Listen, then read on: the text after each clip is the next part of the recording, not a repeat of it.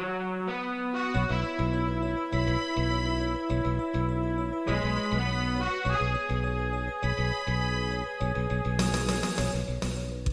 listening to Radio Free Asia.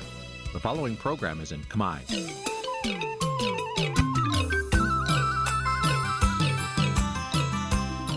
នេះជាកម្មវិធីផ្សាយ Vuthu Azizi Serai នេះជាកម្មវិធីផ្សាយរបស់ Vuthu Azizi Serai ជាភាសាខ្មែរ Vuthu Azizi Serai សូមស្វាគមន៍លោកអ្នកនាងទាំងអស់ពីរដ្ឋធានី Washington នៃសហរដ្ឋអាមេរិក។បាទលោកនាងជាទីមេត្រីពីទីក្រុងមែលប៊នប្រទេសអូស្ត្រាលីខ្ញុំបាទថាថៃសូមជម្រាបសួរលោកអ្នកនាងដែលកំពុងតាមដានការផ្សាយរបស់វិទ្យុអាស៊ីសេរីទាំងអស់ជាទីមេត្រីយើងខ្ញុំសូមជូនកម្មវិធីផ្សាយសម្រាប់យប់ថ្ងៃពុធ1រោចខែកដិកឆ្នាំខាលចត្វាស័កពុទ្ធសករាជ 2566ត្រូវនៅថ្ងៃទី9ខែវិច្ឆិកាគ្រិស្តសករាជ2022បាទជាដំបូងនេះសូមអញ្ជើញលោកនាងស្ដាប់ព័ត៌មានប្រចាំថ្ងៃដែលមានមេត្តាដូចតទៅ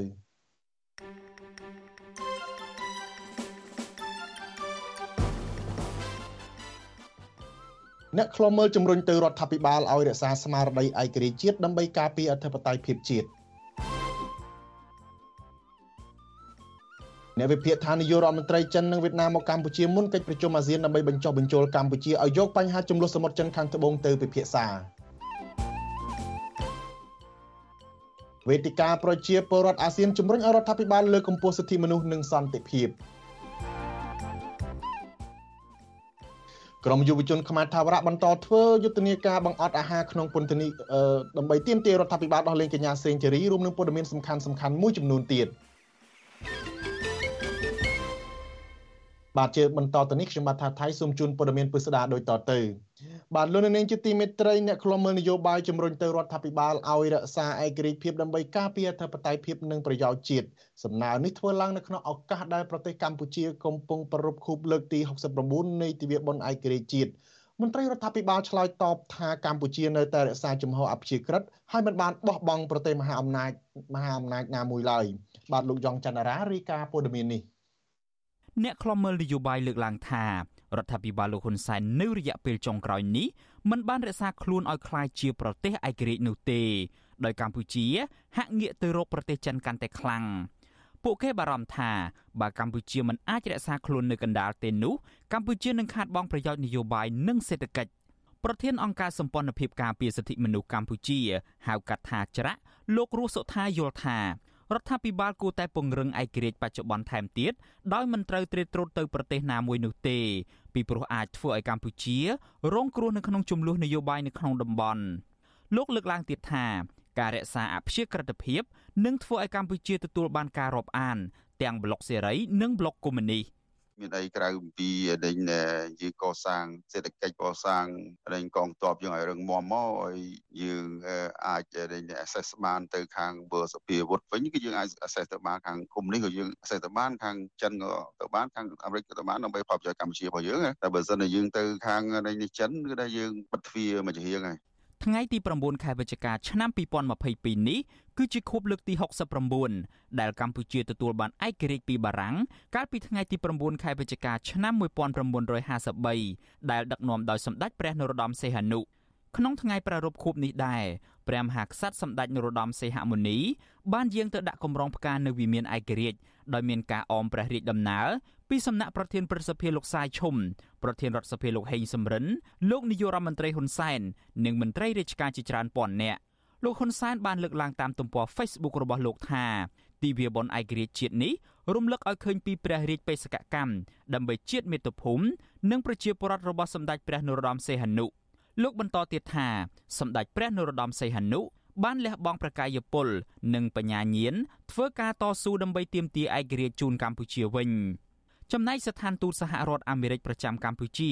ក៏បានបង្ហោះសារអបអរសាទរដល់ប្រជាពលរដ្ឋខ្មែរនៅក្នុងឱកាសនៃការប្រារព្ធពិធីនេះដែររីឯអ្នកវិភាគនយោបាយចាស់វសាបណ្ឌិតឡាវម៉ុងហៃវិញលោកក៏បានលើកឡើងតាមបណ្ដាញសង្គម Facebook ដែរថា ថ្ងៃទី9វិច្ឆិកាមានលក្ខណៈនិងកត្តាអំណោយផលច្រើន ដែលជួយដល់ការអភិវឌ្ឍឲ្យបានទៅជាប្រទេសមានសន្តិភាពឯករាជ្យប្រជាធិបតេយ្យនិងជឿនលឿនចម្រុងចម្រើនលោករំលឹកថាក្រោយកម្ពុជាទទួលបានឯករាជ្យពីបារាំងកម្ពុជាសល់លុយរហូតមានប្រទេសជិតខាងជំពាក់បំណុលកម្ពុជាទៀតផងតាក់ទងរឿងនេះដែរប្រធានក្រុមប្រឹក្សាខ្លមមើលកម្ពុជាប្រចាំនៅប្រទេសន័រវេលោកម៉ែនណាតសង្កេតឃើញថា រដ្ឋាភិបាលលោកហ៊ុនសែនមិនបានធ្វើខ្លួនជារដ្ឋឯករាជ្យនោះទេអ្នកខ្លមមើលរូបនេះសោកស្ដាយដែលកម្ពុជាហាក់បាត់បង់ឯករាជ្យភាពពីព្រោះលោកនាយរដ្ឋមន្ត្រីហ៊ុនសែនបានងាកទៅចិនជ្រុលពេកលោកបន្តទៀតថាចំណុចដែលធ្វើឲ្យគេមើលឃើញថាកម្ពុជាងាកទៅរកប្រទេសចិននោះគឺលោកហ៊ុនសែនបានជំពាក់បំណុលច្រើនជាងប្រទេសផ្សេងទៀតហើយលោកហ៊ុនសែនតែងតែវាយប្រហារសហរដ្ឋអាមេរិកនិងបានចាត់ទុកប្រទេសចិនជាមិត្តដៃថែបទៀតផង មេដឹកនាំបច្ចុប្បន្នហ្នឹងយកអាមោទនជាតិដែលយើងទៀមទាបានពីបារាំងមកជន់ឈ្លីក្នុងពេលបច្ចុប្បន្នហ្នឹងដូចជាយើងដាក់ខ្លួនឯងទៅក្រោមទៅក្រោមប្រទេសដែលជាពាក់បំណុលចិនជប៉ុនកដាក់ខ្លួនឯងជាមិត្តដៃថែបដោយបាត់នៅឯករាជ្យភាពណាក្នុងនាមកម្ពុជាជារដ្ឋអធិបតេយ្យយើងដាក់ខ្លួនទៅក្រោមឥទ្ធិពលចិនដោយសារអំណាចតខ្លួនរបស់លោកហ៊ុនសែននិងកូនកូនគាត់អញ្ចឹង តកតងទៅនឹងរឿងនេះវិទ្យុអាស៊ីសេរីមិនអាចសុំការឆ្លើយតបពីប្រធានអង្គភិបអ្នកណែនាំពាក្យរដ្ឋាភិបាលលោកផៃស៊ីផាននិងអ្នកណែនាំពាក្យគណៈបកប្រជាជនកម្ពុជាលោកសុកអេសានបានទេនៅថ្ងៃទី9ខែវិច្ឆិកាទោះជាយ៉ាងណាអ្នកនាំពាក្យគណៈកម្មាធិការសិទ្ធិមនុស្សរបស់រដ្ឋាភិបាលលោកកតាអូនឆ្លើយតបថារដ្ឋាភិបាលកម្ពុជា មានមុខមាត់និងទំនាក់ទំនងការទូតល្អដោយសពថ្ងៃនេះពីព្រោះរដ្ឋាភិបាលបានរក្សាអធិបតេយ្យភាពជាតិនិងរក្សាអព្យាក្រឹតភាពបានល្អ លោកអះអាងទៀតថាទំនាក់ទំនងរវាងកម្ពុជានិងចិន គឺជាការធ្វើនយោបាយឆ្លាតវៃហើយកម្ពុជាក៏មិនបោះបង់ចោលប្រទេសមហាអំណាចផ្សេងទៀតនោះដែរ ការដែលទំនាក់ទំនងអស់នេះមិនមែនយើងបោះបង់ចោលមហាអំណាចណាមួយទេរវាងអាមេរិករវាងបណ្ដាប្រទេសផ្សេងៗនៅអឺរ៉ុបរវាងបណ្ដាមហាអំណាចផ្សេងៗនិងបណ្ដាប្រទេសក្រីក្រក៏ដូចជាប្រទេសភាពយើងចំពោះអវត្តផ្សេងៗក៏ដោយគឺយើងនៅនេះទំនាក់ទំនងទាំងអស់រួមគ្នាអត់មានទំនាក់ទំនងប្រទេសនេះផាត់ចោលប្រទេសនេះទេគឺយើងដើរទៅមុខនៅក្នុងដៃគៀកស្នាគ្នាប្រទេសណាទាំងអស់គឺជាមិត្តរបស់កម្ពុជាឲ្យតែមានប្រយោជន៍ដល់កម្ពុជាទោះជាមានការអះអាងបែបនេះពីមន្ត្រីរដ្ឋាភិបាលក្តី ក៏កន្លងទៅលោកនាយរដ្ឋមន្ត្រីហ៊ុនសែនបានថ្លែងជាសាធារណៈជាញឹកញាប់ថាលោកងាកទៅរកប្រទេសចិនកុម្មុយនីសនេះពីព្រោះចិនងាយស្រួលធ្វើការជាមួយលោកនិងងាយស្រួលឲ្យលោកខ្ចីលុយក៏ប៉ុន្តែទំនាក់ទំនងជិតស្និទ្ធរវាងរដ្ឋាភិបាលលោកហ៊ុនសែននិងរបបក្រុងប៉េកាំងនេះក៏កំពុងនាំមកនូវហានិភ័យសម្រាប់កម្ពុជាដែរ សារព័ត៌មានបរទេសបានចុះផ្សាយជាបន្តបន្ទាប់ថារដ្ឋាភិបាលលោកហ៊ុនសែនបានចុះកិច្ចព្រមព្រៀងសម្ងាត់ជាមួយប្រទេសចិនដើម្បីឲ្យចិនប្រើប្រាស់កំពង់ផែកងទ័ពជើងទឹករៀមដែលនេះគឺជាក្តីបារម្ភសម្រាប់សន្តិសុខតំបន់ទាំងមូលខ្ញុំយ៉ងច័ន្ទដារាវិទ្យុអាស៊ីសេរីរាយការណ៍ពីរដ្ឋធានី Washington បាទលោកនាងជាទីមេត្រីសហរដ្ឋអាមេរិកសន្យាបន្តឈរនៅជាមួយប្រជាពលរដ្ឋកម្ពុជាក្នុងពេលដែលពួកគេខិតខំដើម្បីទទួលបានអនាគតប្រកបដោយវិបុលភាពប្រជាធិបតេយ្យនិងឯករាជ្យកាន់តែប្រសើរការសន្យានេះធ្វើឡើងនៅក្នុងសារលិខិតមួយរបស់រដ្ឋមន្ត្រីការបរទេសអាមេរិកលោក Anthony Blinken ក្នុងឱកាសទិវាបុណ្យឯករាជ្យជាតិខួបលើកទី69របស់កម្ពុជាលោក Anthony Blinken សរសេរថាតាំងនាមឲ្យសហរដ្ឋអាមេរិក លោកសូមសម្ដែងសពសាធុការពរចំពោះប្រជាពលរដ្ឋកម្ពុជា ក្នុងឱកាសដែលពួកគេប្រារព្ធខួប69នៃទិវាឯករាជ្យជាតិថ្ងៃទី9ខែវិច្ឆិកាលោកគូសបញ្ជាក់ថាសហរដ្ឋអាមេរិកសាទរចំពោះកម្ពុជា ដែលធ្វើជាប្រធានបដូវវេនអាស៊ានក្នុងឆ្នាំមួយប្រកបទៅដោយបញ្ហាប្រឈមលោកបន្តថាសហរដ្ឋអាមេរិក ផ្ដល់តម្លៃចំពោះកិច្ចសហប្រតិបត្តិការជាមួយប្រទេសកម្ពុជា ក្នុងការរួមគ្នាដោះស្រាយបញ្ហាកង្វល់នានានៅក្នុងតំបន់និងសកលរួមទាំងវិបត្តិនៅមីយ៉ាន់ម៉ាឬភូមានិងអ៊ុយក្រែនផងដែរ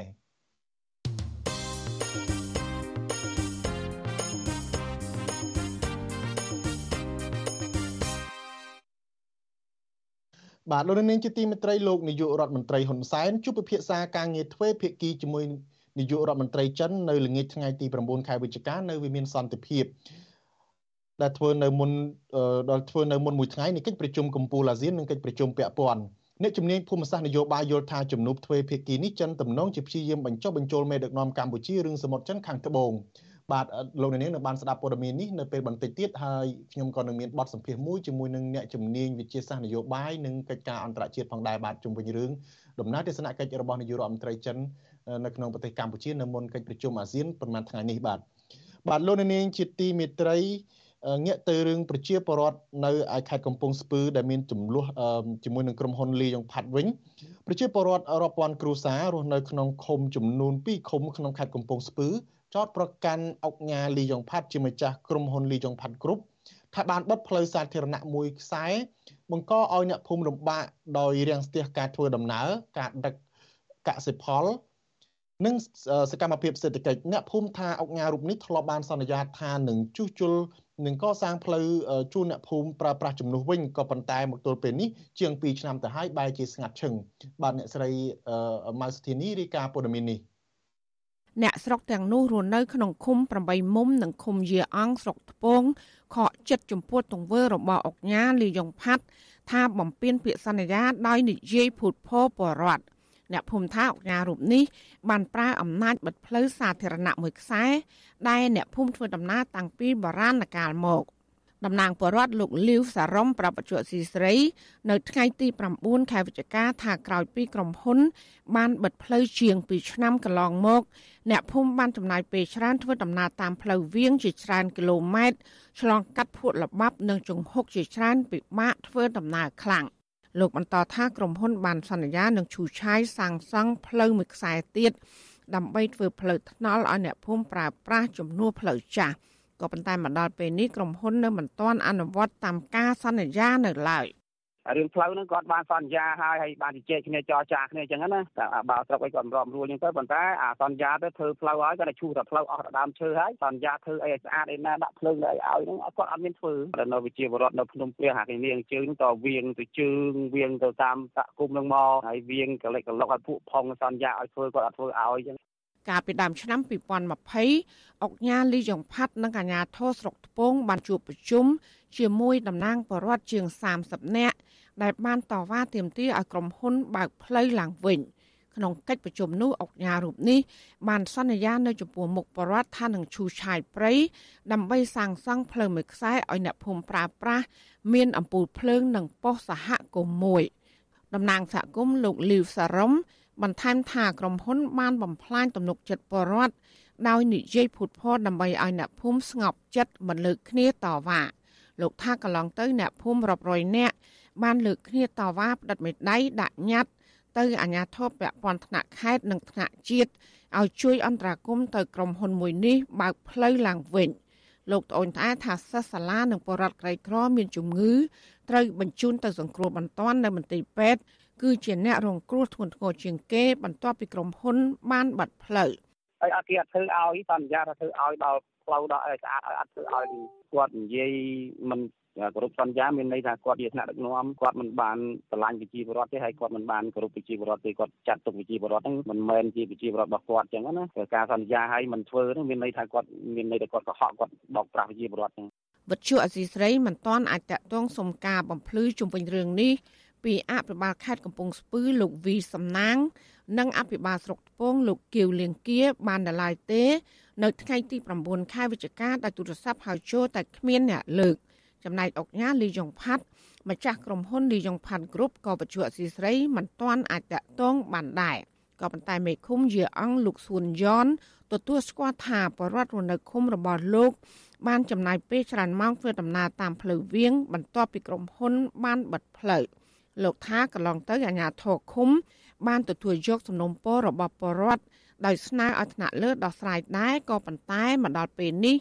នៅមិនទាន់មានការឆ្លើយតបនៅឡើយបាននិយាយញឹកហើយតែអត់តង់ឃើញបើកយើងនិយាយញឹកទៅប្រជុំអីសុំសុំផ្លូវបើកផ្លូវពីភូមិកវិភូមិថ្នកែងហ្នឹងទៅភ្នំព្រះតែគាត់អត់យើងមានដឹកមេដៃមេអីទៅអស់ទៅខេត្តទៅខាត់ជ្រាបអត់ឃើញតែជូននឹងមកវិញ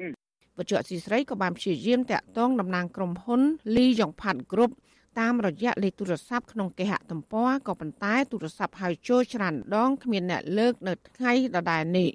ជុំវិញរឿងនេះអ្នកសម្របសម្រួលគម្រោងធុរកិច្ចនិងសិទ្ធិមនុស្សនៃមជ្ឈមណ្ឌលសិទ្ធិមនុស្សកម្ពុជាលោកវ៉ាន់សុផាតយកឃើញថាអាញាធរខេត្តកំពង់ស្ពឺគួរតែចុះសម្របសម្រួលដោះស្រាយរឿងនេះជូនពលរដ្ឋដោយជំរុញឲ្យក្រុមហ៊ុនអនុវត្តតាមការសន្យាដោយបើកផ្លូវឡើងវិញ អញ្ញាធមមានអីហ្នឹងដឹងឮទៅរឿងហ្នឹងហើយអញ្ចឹងជួននាទីសំខាន់ជាងគេគឺអញ្ញាធមស្រុកហើយនឹងខេត្តហ្នឹងហើយតែអាចនិយាយចរចាជាមួយក្រុមហ៊ុនបានណាកិច្ចសន្យារបស់ក្រុមហ៊ុនហ្នឹងគឺសុទ្ធតែមានដាក់គេថាឲ្យធ្វើម៉េចដើម្បីផ្ដល់ភាពងាយស្រួលដល់សហគមន៍ដែលនៅជុំវិញហ្នឹងណាក្រុមហ៊ុនលីយ៉ុងផាត់គ្រប់បានទទួលសិទ្ធិវិនិយោគពីរដ្ឋាភិបាលលើផ្ទៃដី20000ហិកតាតាំងពីឆ្នាំ2010ស្ថិតនៅក្នុងស្រុកថ្ពងខេត្តកំពង់ស្ពឺ អ្នកភូមិថាមុនពេលមិនទាន់មានវត្តមានក្រុមហ៊ុននេះតំបន់នោះសម្បូរទៅដោយព្រៃស្រោងនិងសត្វព្រៃកម្ររស់នៅ មានដើមឈើធំធំម្លប់ត្រជាក់ស្រិបអមដោយទេសភាពធម្មជាតិស្រស់ស្អាតប៉ុន្តែបច្ចុប្បន្នចំនួនដោយចំការអំពៅដែលគ្រប់គ្រងដោយក្រុមហ៊ុនឯកជនវាលល្វឹងល្វើយដាច់កន្ទុយភ្នែកចាននាងខ្ញុំម៉ៃសុធានីវັດឈូអាស៊ីស្រី ប្រធានាធិបតី Washington បាទលោកនាងជាទីមេត្រីលោកនាយករដ្ឋមន្ត្រីហ៊ុនសែនបានជួបពិភាក្សាការងារទ្វេភាគីជាមួយនឹងនាយករដ្ឋមន្ត្រីចិននៅថ្ងៃទី9ខែវិច្ឆិកានៅវិមានសន្តិភាពដែលធ្វើឡើងនៅមុនមួយថ្ងៃនៃកិច្ចប្រជុំកម្ពុជាអាស៊ាននិងកិច្ចប្រជុំពាក់ព័ន្ធបាទអ្នកជំនាញផ្នែកភូមិសាស្ត្រនយោបាយយល់ថាជំនុំទ្វេភាគីនេះចិនទំនងជាព្យាយាមបញ្ចុះបញ្ចូលមេដឹកនាំកម្ពុជាឲ្យយករឿងសមុទ្រខាងត្បូងទៅពិភាក្សាបាទលោកទីនសការីយ៉ារីកាព័ត៌មាននេះ ជំនួបបិទទ្វាររវាងលោកនាយរដ្ឋមន្ត្រីហ៊ុនសែននិងនាយរដ្ឋមន្ត្រីចិនលោកលីខឺឈៀងនៅវិមានសន្តិភាពគឺជជែកគ្នាផ្ដោតលើប្រធានបទមួយចំនួនពាក់ព័ន្ធនឹងការពង្រឹងកិច្ចសហប្រតិបត្តិការភាពជាដៃគូយុទ្ធសាស្ត្រគ្រប់ជ្រុងជ្រោយរវាងប្រទេសទាំងពីរនិងបញ្ហាតំបន់និងអន្តរជាតិមួយចំនួនដែលជាកង្វល់រួមជំនួយការផ្ទាល់របស់លោកហ៊ុនសែនគឺលោកអៀងសផល្លាយថ្លែងប្រាប់អ្នកកសែតក្រោយជំនួបនោះថានាយករដ្ឋមន្ត្រីចិនពេញចិត្តចំពោះអំពីទំនាក់ទំនង គ្រប់វិស័យរវាងកម្ពុជានិងចិនលោកថាភាគីចិនក៏បន្តបដិញ្ញាជួយកម្ពុជាឲ្យកាន់តែរីកចម្រើន តាមរយៈការផ្តល់ជំនួយផ្សេងផ្សេងចិននឹងផ្ដល់ជំនួយបន្ថែមដល់កម្ពុជាទៅលើវិស័យជារួមមាន ទី1ទឹកប្រាក់ចំនួន200លានយួនសម្រាប់ជួយកែលម្អជីវភាពប្រជាពលរដ្ឋកម្ពុជា ជួយដល់ការស្ដារឡើងវិញ នៅបេតិកភណ្ឌកម្ពុជា បង្កើនចំនួននិស្សិតកម្ពុជា ទៅបន្តការសិក្សានៅប្រទេសចិន ជួយដល់សកម្មភាពដោះមីនជួយដល់វិស័យសុខាភិបាល ជួយដល់ការរៀបចំការប្រកួត SEA Games នៅឆ្នាំខាងមុខក៏ដូចជាជួយដល់កីឡាករកីឡាការិនីកម្ពុជា ជួយដល់ការស្ថាបនាស្ពានឆ្លងទន្លេមេគង្គជួយដល់ការស្ថាបនាផ្លូវដែកតភ្ជាប់អំពីកម្ពុជា ថៃឡាវនិងប្រទេសចិននិងជាពិសេសទៅទៀតនឹងជួយដល់កម្ពុជាយើងលើវិស័យកសិកម្មធ្វើយ៉ាងណាឲ្យផលិតផលកសិផលកម្ពុជាយើង មានគុណភាពអាចនាំចេញទៅប្រទេសចិនស្របតាមខូតាដែលបានប្រកល់ជូនលោកអៀងសុផល្លែតឲ្យដឹងទៀតថាជាការឆ្លើយតបគឺលោកនាយរដ្ឋមន្ត្រីហ៊ុនសែនអគុណចិនដែលបន្តជួយកម្ពុជានិងចាត់ទុកថាជំនួយរបស់ចិននឹងជួយអភិវឌ្ឍកម្ពុជាបន្ថែមទៀត។ ក្រោយជំនុំនេះសមាភិកីទាំងពីរបានចុះហត្ថលេខាលើឯកសារចំនួន18រួមមានឯកសារផ្ដល់ជំនួយលើគម្រោងអភិវឌ្ឍមួយចំនួននៅកម្ពុជាដូចជាផ្លូវថ្នល់សាលារៀនសេដ្ឋកិច្ចពាណិជ្ជកម្មនិងកសិកម្មជាដើមទោះជាណាអ្នកឆ្លងជ្រាវវិជាស្ថានខ្មែរសម្រាប់សហប្រតិបត្តិការនិងសន្តិភាពលោកវ៉ាន់វណ្ណាយល់ថាដំណើរទស្សនកិច្ចរបស់នាយករដ្ឋមន្ត្រីចិននិងនាយករដ្ឋមន្ត្រីវៀតណាមមកកម្ពុជា នៅទន្ទឹមគ្នាមុនពេលកិច្ចប្រជុំអាស៊ាននេះ ទំនងជាដើម្បីបញ្ចុះបញ្ចូលមេដឹកនាំកម្ពុជាឲ្យលើកយកបញ្ហាចំនួនសមុទ្រចិនខាងត្បូងទៅដាក់ក្នុងកិច្ចប្រជុំកំពូលអាស៊ានទៅតាមការចង់បានរបស់ពួកគេរៀងខ្លួនខ្ញុំមើលឃើញថាជាជំរឿនរបស់កម្ពុជាកម្ពុជាគួរតែមិនចាំបាច់យករបៀបរយៈរឿងសមុទ្រចិនខាងត្បូងនឹងគឺជារបៀបរយៈសំខាន់ក្នុងការចរចាពិភាក្សាគ្នាទេប៉ុន្តែព្យាយាមជំរុញឲ្យភាគីពាក់ព័ន្ធទាំងផ្នែកអាស៊ានប្រទេសអាស៊ាននិងចិននឹងដោះស្រាយជាលក្ខណៈទ្វេភាគីគឺជារឿងល្អដោយសារកម្ពុជាមិនពាក់ព័ន្ធទៅលើ លើបញ្ហាសមុទ្រចិនខាងត្បូងទេបាទអានឹងគឺជាជំរឿនដែលកម្ពុជាគួរធ្វើសម្រាប់ដោះស្រាយនៅបញ្ហារឿងសមុទ្រចិនខាងត្បូងដើម្បីកុំឲ្យពាក់ព័ន្ធទៅដល់ខ្លួនផងដែរហ្នឹងគឺជាជំរឿនឆ្លាតវៃមួយក្នុងកម្ពុជាជាប្រទេសដែលត្រូវការផលប្រយោជន៍ទាំងចិននិងទាំងផលប្រយោជន៍ពីអាស៊ានផងនៅមុននេះមួយថ្ងៃលោកនាយរដ្ឋមន្ត្រីហ៊ុនសែនក៏ជួបពិភាក្សាទ្វេភាគីជាមួយនាយរដ្ឋមន្ត្រីវៀតណាមលោកផាមិញជិញដែរដែលផ្ដោតលើការពង្រឹងទំនាក់ទំនងនយោបាយសេដ្ឋកិច្ច ភាគីទាំងពីរក៏បានចុះកិច្ចព្រមព្រៀងលើឯកសារចំនួន11ចំណុចរួមមាន វិស័យកសិកម្មវិស័យពាណិជ្ជកម្មទូរគមនាគមន៍ការងារនិងវិស័យហិរញ្ញវត្ថុជាដើម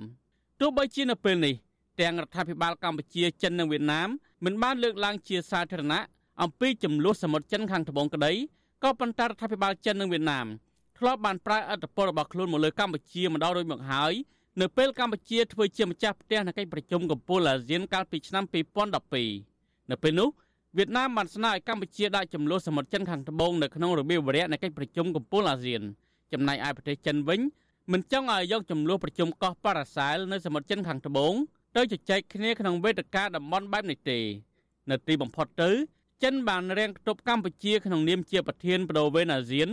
មិនឲ្យចេញសេចក្តីថ្លែងការណ៍រួមរបស់រដ្ឋមន្ត្រីការបរទេសអាស៊ានឡើយ ព្រោះប៉ះពាល់ដល់ផលប្រយោជន៍របស់ចិននៅក្នុងបញ្ហាចំនួនសមុទ្រចិនខាងត្បូងនោះដោយឡែកនៅមុនជំនួបជាមួយនាយករដ្ឋមន្ត្រីចិននេះលោកនាយករដ្ឋមន្ត្រីហ៊ុនសែនក៏បានជួបពិភាក្សាជាមួយរដ្ឋមន្ត្រីការបរទេសអ៊ុយក្រែនលោកឌីមីត្រូគូលីបា នៅវិមានសន្តិភាពដែរ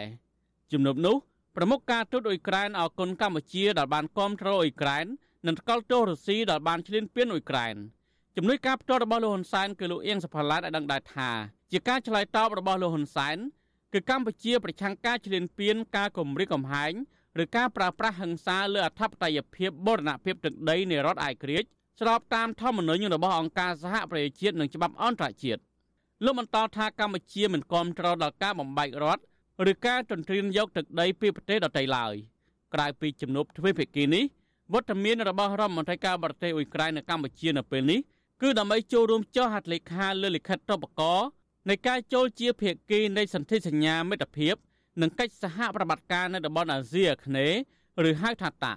ខ្ញុំធីនសាការីយ៉ាអសិរ័យប្រធានីវ៉ាស៊ីនតោនបាទលោកនាងជាទីមេត្រីយើងមិនទាន់ទៅណាឆ្ងាយពីរឿងពាក់ព័ន្ធនឹងកិច្ចប្រជុំអាស៊ាននោះទេបាទ វេទិកាប្រជាពលរដ្ឋអាស៊ានស្នើឲ្យរដ្ឋាភិបាលនៃប្រទេសជាសមាជិកអាស៊ានពិចារណាដើម្បីរៀបចំគោលនយោបាយនិងវិធានការគោរពសិទ្ធិមនុស្សនិងសន្តិភាពនៅក្នុងតំបន់មន្ត្រីអង្គការសង្គមស៊ីវិលយល់ឃើញថាកិច្ចប្រជុំកំពូលអាស៊ានមានគូមានរបៀបវិរៈផ្ដល់ឱកាសឲ្យក្រុមតំណាងក្រមប្រជាពលរដ្ឋនិងក្រុមអង្គការសង្គមស៊ីវិលបង្ហាញពីបញ្ហានិងដំណោះស្រាយដែលកំពុងប្រឈមនៅក្នុងតំបន់បាទលោកមានរិទ្ធរាយការណ៍ព័ត៌មាននេះ អនុសាសន៍សំខាន់សំខាន់មួយចំនួន ដែលវេទិកាប្រជាពលរដ្ឋអាស៊ានដាក់ចេញ មានដូចជា ស្នើឲ្យបញ្ឈប់ការប្រើប្រាស់ប្រព័ន្ធតុលាការការបាត់ខ្លួនដោយបង្ខំនិងការសម្លាប់សកម្មជនដោយសារតែពួកគេគ្រាន់តែប្រើប្រាស់នៅសិទ្ធិដើម្បីលើកកម្ពស់លទ្ធិប្រជាធិបតេយ្យកាត់បន្ថយបញ្ហាវិសមភាពសង្គមបំរែបំរួលអាកាសធាតុនិងលើកកម្ពស់សវត្ថិភាពស្បៀងនៅក្នុងតំបន់លើកកម្ពស់កិច្ចគាំពារសង្គមដល់ជនងាយរងគ្រោះ សិទ្ធិទទួលបានការងារដែលមានចំណូលសមរម្យនិងលើកកម្ពស់សវត្ថិភាពមនុស្សជាតិនិងសន្តិភាពនៅក្នុងតំបន់ជាដើមប្រធានអង្គការសិលកាកញ្ញាសេរីសីដែលជាប្រធានគណៈកម្មការរៀបចំវេទិកាប្រជាពលរដ្ឋអាស៊ាន2022មានប្រសាសន៍ថាសេចក្តីថ្លែងការណ៍របស់ក្រុមអង្គការសង្គមស៊ីវិល បានស្នើសុំដល់រដ្ឋាភិបាលនានានៅក្នុងតំបន់អាស៊ីអាគ្នេយ៍ឲ្យរៀបចំនូវគោលនយោបាយនិងចាត់វិធានការជាបន្ទាន់ដើម្បីលើកកម្ពស់ដល់ការគោរពសិទ្ធិមនុស្សនិងសន្តិភាពនៅក្នុងតំបន់កញ្ញាបន្ថែមថាក្រុមអង្គការសង្គមស៊ីវិលនៅតាមបណ្ដាប្រទេសនីមួយៗបានដាក់ជូនសេចក្តីថ្លែងការណ៍វេទិកាប្រជាពលរដ្ឋអាស៊ាននេះដល់ប្រទេសពួកគេតាមយន្តការរៀងៗខ្លួន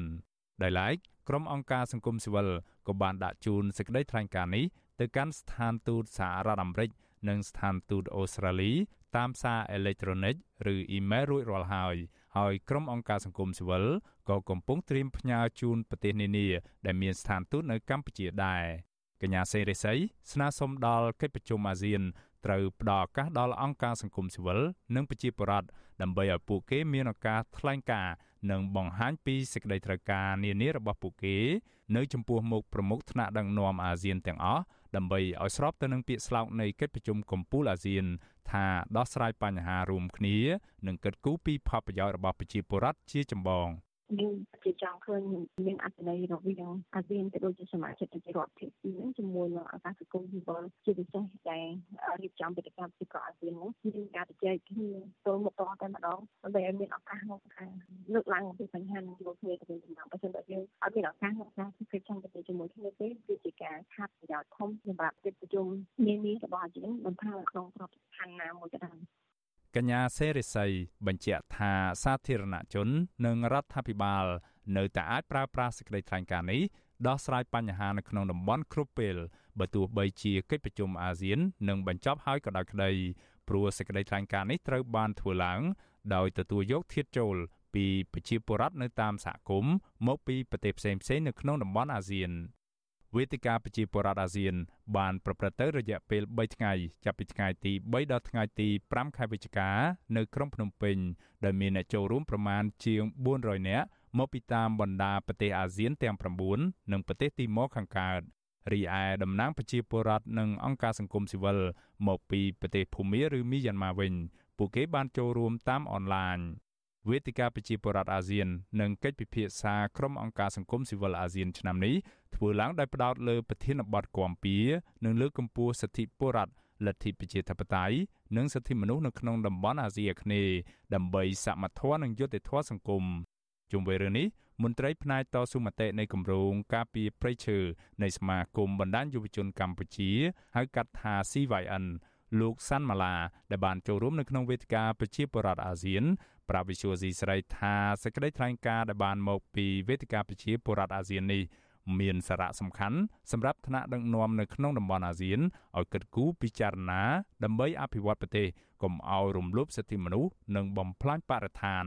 លោកបានថែមថាសេចក្តីថ្លែងការណ៍នេះក៏បានដាក់បញ្ចូលនឹងការលើកឡើងពីក្តីកង្វល់នានារបស់ជនរងគ្រោះ ដែលទទួលបានការគម្រាមកំហែងនៅក្នុងការចូលរួមដោះស្រាយបញ្ហាបរិស្ថាន និងការអនុវត្តសិទ្ធិផ្ទាល់ខ្លួនដើម្បីលើកកម្ពស់លទ្ធិប្រជាធិបតេយ្យ សូមពីវនាវដល់រដ្ឋាភិបាលជាសមាជិកក៏ដូចជារដ្ឋាភិបាលដែលទទួលបន្ទុកជាប្រធានអាស៊ាន ឆ្នាំនេះនិងឆ្នាំក្រោយឲ្យយកចិត្តទុកដាក់អំពីសុខទុក្ខរបស់ប្រជាជនក្នុងតំបន់របស់ខ្លួន ជាពិសេសរដ្ឋាភិបាលក៏គួរតែមានការកោតសរសើរនិងចូលរួមផ្ដល់ដំណោះស្រាយទាំងឡាយដែលវេទិកាប្រជាបរតអាស៊ានបានស្នើនិងสนំពោឡើង ឆ្លើយតបទៅនឹងការលើកឡើងនេះអ្នកនាំពាក្យគណៈកម្មាធិការសិទ្ធិមនុស្សរបស់រដ្ឋាភិបាលលោកកតាអូនអះអាងថាសេចក្តីថ្លែងការណ៍វេទិកាប្រជាពលរដ្ឋអាស៊ាននេះគ្រាន់តែជាតំណាងសម្លេងមួយភាគតូចនៃប្រជាពលរដ្ឋតែប៉ុណ្ណោះព្រោះលោកថាក្រុមអង្គការសង្គមស៊ីវិលបានហៅតែតំណាងប្រជាពលរដ្ឋដែលមានបញ្ហាឲ្យមកចូលរួមវេទិកានេះលោកបានថែមថាការអនុវត្តច្បាប់ ទៅលើសកម្មជនបរិស្ថាននិងអ្នកនយោបាយមួយចំនួននៅពេលកន្លងមកគឺជាការលើកកម្ពស់នីតិរដ្ឋនិងប្រជាធិបតេយ្យទៅវិញទេអ្វីដែលអង្គការសង្គមស៊ីវិលមួយចំនួនឬក៏វេទិកាប្រជាពលរដ្ឋរកឃើញមួយចំនួនគឺវាបង្ហាញពីនៅបំណងឬមួយគំនិតនៃក្រុមមនុស្សមួយចំនួនតូចតែប៉ុណ្ណោះវាមិនមែនតំណាងឲ្យទស្សនវិជ្ជារួមនៃកម្ពុជាទេហើយក៏មនុស្សមួយចំនួនតូចនេះគ្រាន់តែជានិន្នាការនយោបាយមួយតែដូច្នេះអ្វីនៅក្នុងក្របខ័ណ្ឌនីតិរដ្ឋក្តីនៅក្នុងក្របខ័ណ្ឌប្រជាធិបតេយ្យក្តីនៅក្នុងក្របខ័ណ្ឌសិទ្ធិមនុស្សក្តីគឺយើងត្រូវអនុវត្តគោលការណ៍រួមនៅក្នុងបទដ្ឋាននីតិដ្ឋានច្បាប់ក្នុងការវាស់វែងនៅសិទ្ធិវងការវាស់វែងលើនីតិរដ្ឋផ្ទុយពីការអាងនេះរបាយការណ៍របស់គម្រោងយុត្តិធម៌ពិភពលោកឬហៅកាត់ថា WJP បានរកឃើញថាកម្ពុជាគឺជាប្រទេសពូកែខាងរំលោភច្បាប់ប្រទេសកម្ពុជាជាប់ចំណាត់ថ្នាក់ផ្នែកនីតិរដ្ឋឬគោរពច្បាប់ស្ទើរតែនៅបាត់តារាង គឺនៅលេខ139ក្នុងចំណោម140ប្រទេសនៅក្នុងឆ្នាំ2022នេះរបាយការណ៍នេះបានបង្ហាញកត្តាចម្បងចម្បងចំនួន8សម្រាប់ដំណើរការដាក់សន្ទុះនីតិរដ្ឋក្នុងនោះរួមមានដូចជាដែនកំណត់អំណាចរបស់រដ្ឋាភិបាល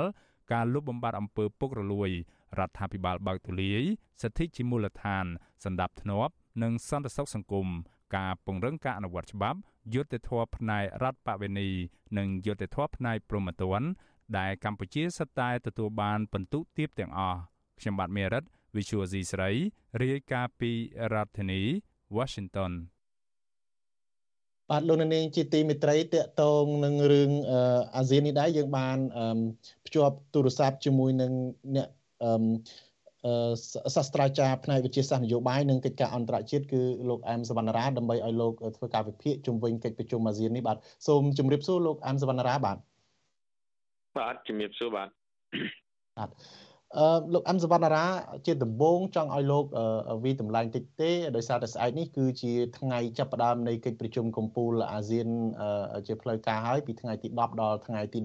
13ជាការសង្កេតរបស់លោកយ៉ាងម៉េចដែរបាទការរៀបចំរបស់កម្ពុជាក្នុងនាមជាម្ចាស់ប្រទេសចាំទទួលស្វាគមន៍មេដឹកនាំអាស៊ានសម្រាប់ការចូលរួមកិច្ចប្រជុំនេះបាទអឺ ខ្ញុំសង្កេតឃើញកម្ពុជាបានរៀបចំមានតែតែរបៀបរបបសន្តិសុខហ្នឹងឃើញបានមានលក្ខណៈប្រសើរសម្រាប់ជាសវត្ថភាពនៅថ្នាក់ដឹកនាំអាស៊ានហើយនិងមេដឹកនាំជាដៃគូរបស់អាស៊ានផ្សេងផ្សេងមកចូលរួមលក្ខណៈនេះយើងឃើញមានចំណាប់ធ្នាប់របៀបរៀបរយការបោសសម្អាតអនាម័យផ្លូវអីជើងស្អាតហើយមានគេហៅថាឲ្យការកកស្ទះឬក៏អីហ្នឹងក៏វាកាត់បន្ថយដែរតាមរយៈការជប់សម្រាប់របស់ សិស្សនិស្សិតចូលនៅក្នុងវិស័យអប់រំនេះយើងបានសម្រាប់នៅក្នុងប្រហែលជាមួយសប្តាហ៍ពេញអញ្ចឹងស្ថានភាពមានលក្ខណៈល្អប្រសើរក្នុងការរៀបចំហើយមានការចាប់អារម្មណ៍ពីសតបគណៈប្រជាពលរដ្ឋវាឆ្នាក់កដាលឡើងប៉ុន្តែសម្រាប់ប្រជាពលរដ្ឋថ្នាក់ក្រោមហាក់ដូចជាមិនសូវមានការចាប់អារម្មណ៍ឬក៏យល់ជ្រុតជ្រាបពីបញ្ហាការប្រជុំអាស៊ាននេះប្រមាណទេបាទ បាទបាទអរគុណជាសំណួររបស់ខ្ញុំបន្ទាប់ទៀតហ្នឹងគឺចង់បានការវិភាគរបស់លោកដែរតកតងទៅនឹងមុនកិច្ចប្រជុំអាស៊ាននេះយើងឃើញ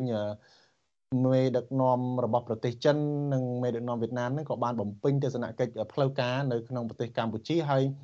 ភាគីចិននិងវៀតណាមភាគីចិននិងវៀតណាមនេះក៏សិតតែបានជួបពិភាក្សាទ្វេភាគីជាមួយនឹងរដ្ឋាភិបាលកម្ពុជាដែរ នៅមុនកិច្ចប្រជុំអាស៊ាននឹងបានចុះហត្ថលេខាអីផ្សេងផ្សេងជាដើមសម្រាប់លោកអែមសវណ្ណារាមើលឃើញយ៉ាងម៉េចដែរចំពោះដំណើរទស្សនកិច្ចរបស់មេដឹកនាំប្រទេសមហាអំណាចចិននៅកម្ពុជានៅមុនកិច្ចប្រជុំអាស៊ានប្រហែលថ្ងៃនេះរួមទាំងវៀតណាមអីជាដើមបាទបាទជាទូទៅយើងក៏លេចមើលដំណើរទស្សនកិច្ចនៃបណ្ដាប្រទេសកុំនេះវៀតណាមនិងចិននេះ ជាទូទៅតែងតែធ្វើឡើងមុនគេហៅថាជំនួបកិច្ចប្រជុំកំពូលអាស៊ានជារៀងរាល់លើកដូចជាកាលពីឆ្នាំ2012ក៏មានលក្ខណៈបែបនេះ2022នេះក៏មានលក្ខណៈបែបនេះដែរហើយយើងឃើញមានការចុះហត្ថលេខាកិច្ចសហប្រតិបត្តិការជាដើមទី1យើងអាចសង្កេតជាលក្ខណៈទូទៅពាក់ព័ន្ធទៅនឹងគេហៅថាភាពវៃឆ្លាតរបស់នយោបាយការបរទេសរបស់ប្រទេសកុម្មុយនីសវៀតណាមមានការ ធ្វើឲ្យមតិអន្តរជាតិកាន់តែចាប់អារម្មណ៍ច្រើននៅដំណើរទស្សនកិច្ចនិងកិច្ចចុះហត្ថលេខានិងកិច្ចសហប្រតិបត្តិការកម្ពុជាវៀតណាមនិងកិច្ចសហប្រតិបត្តិការកម្ពុជាចិននេះជាយើងមើលឃើញថាភាពលឿនរហ័សទន់ភ្លន់ដែរឬក៏ជាអំណោយផលពីកម្ពុជាសម្រាប់បណ្ដាប្រទេសកុម្មុយនីសពីរដែរបាទនឹងចំណុចទី1ចំណុចទី2យើងមានឃើញឱកាសចុះកិច្ចព្រមព្រៀងជាមួយកម្ពុជាវៀតណាមនឹងមានរហូតដល់11ចំណុចដើម្បីពង្រឹងកិច្ចសហប្រតិបត្តិការផ្នែក សេដ្ឋកិច្ចពាណិជ្ជកម្មកសិកម្មឬក៏បច្ចេកវិទ្យាខាង Digital ប្រេសនីជាដើមដែលនេះក៏ជាភាពរីកចម្រើនក៏ណាផលទទួលបានតិចឬច្រើនតាមភាពវៃឆ្លាតឬភាពខ្លាំងក្លាភាពខ្លាំងរបស់រដ្ឋមួយមួយភាគីហើយចំណែកកម្ពុជាចិនក៏មានលក្ខណៈដូចគ្នាយើងឃើញថ្ងៃនេះមានដំណើរទស្សនកិច្ចរបស់លោកនាយករដ្ឋមន្ត្រីលីខឺឆាងតាំងពីម្សិលមិញហើយមានការចុះហត្ថលេខានៅថ្ងៃនេះរហូតដូចជា10 8ចំណុចណាយើងឃើញជាកិច្ចការមួយ បានន័យថាមានលក្ខណៈអឺជឿនលឿនការឡើងច្រើនដែលអត្ថប្រយោជន៍នៃការផ្លាស់ប្ដូរប្រតិកម្មរវាងភាគីទាំងពីរមានការកាន់តែបង្កើនសកម្មភាពខ្លាំងខ្លាំងដូច្នេះយើងសាទរក៏ប៉ុន្តែដូចខ្ញុំបានបញ្ជាក់អញ្ចឹងជាមួយភាគីវៀតណាមឬក៏ភាគីភាគីចិនមានលក្ខណៈដូចគ្នាទេអាស្រ័យតែកត្តារឹងមាំឬក៏កត្តាខ្លាំងខ្លាំងរបស់រដ្ឋ ខ្លួនឯងរដ្ឋសម័យកម្ពុជាតែមានលក្ខណៈអាចខ្លាំងប្រគល់ប្រជែងទាញយកអត្ថប្រយោជន៍នៃកិច្ចព្រមព្រៀងនោះបានកម្រិតណាអាស្រ័យលើសមត្ថភាពរបស់កម្ពុជាយើងខ្លួនឯងបាទ បាទតើ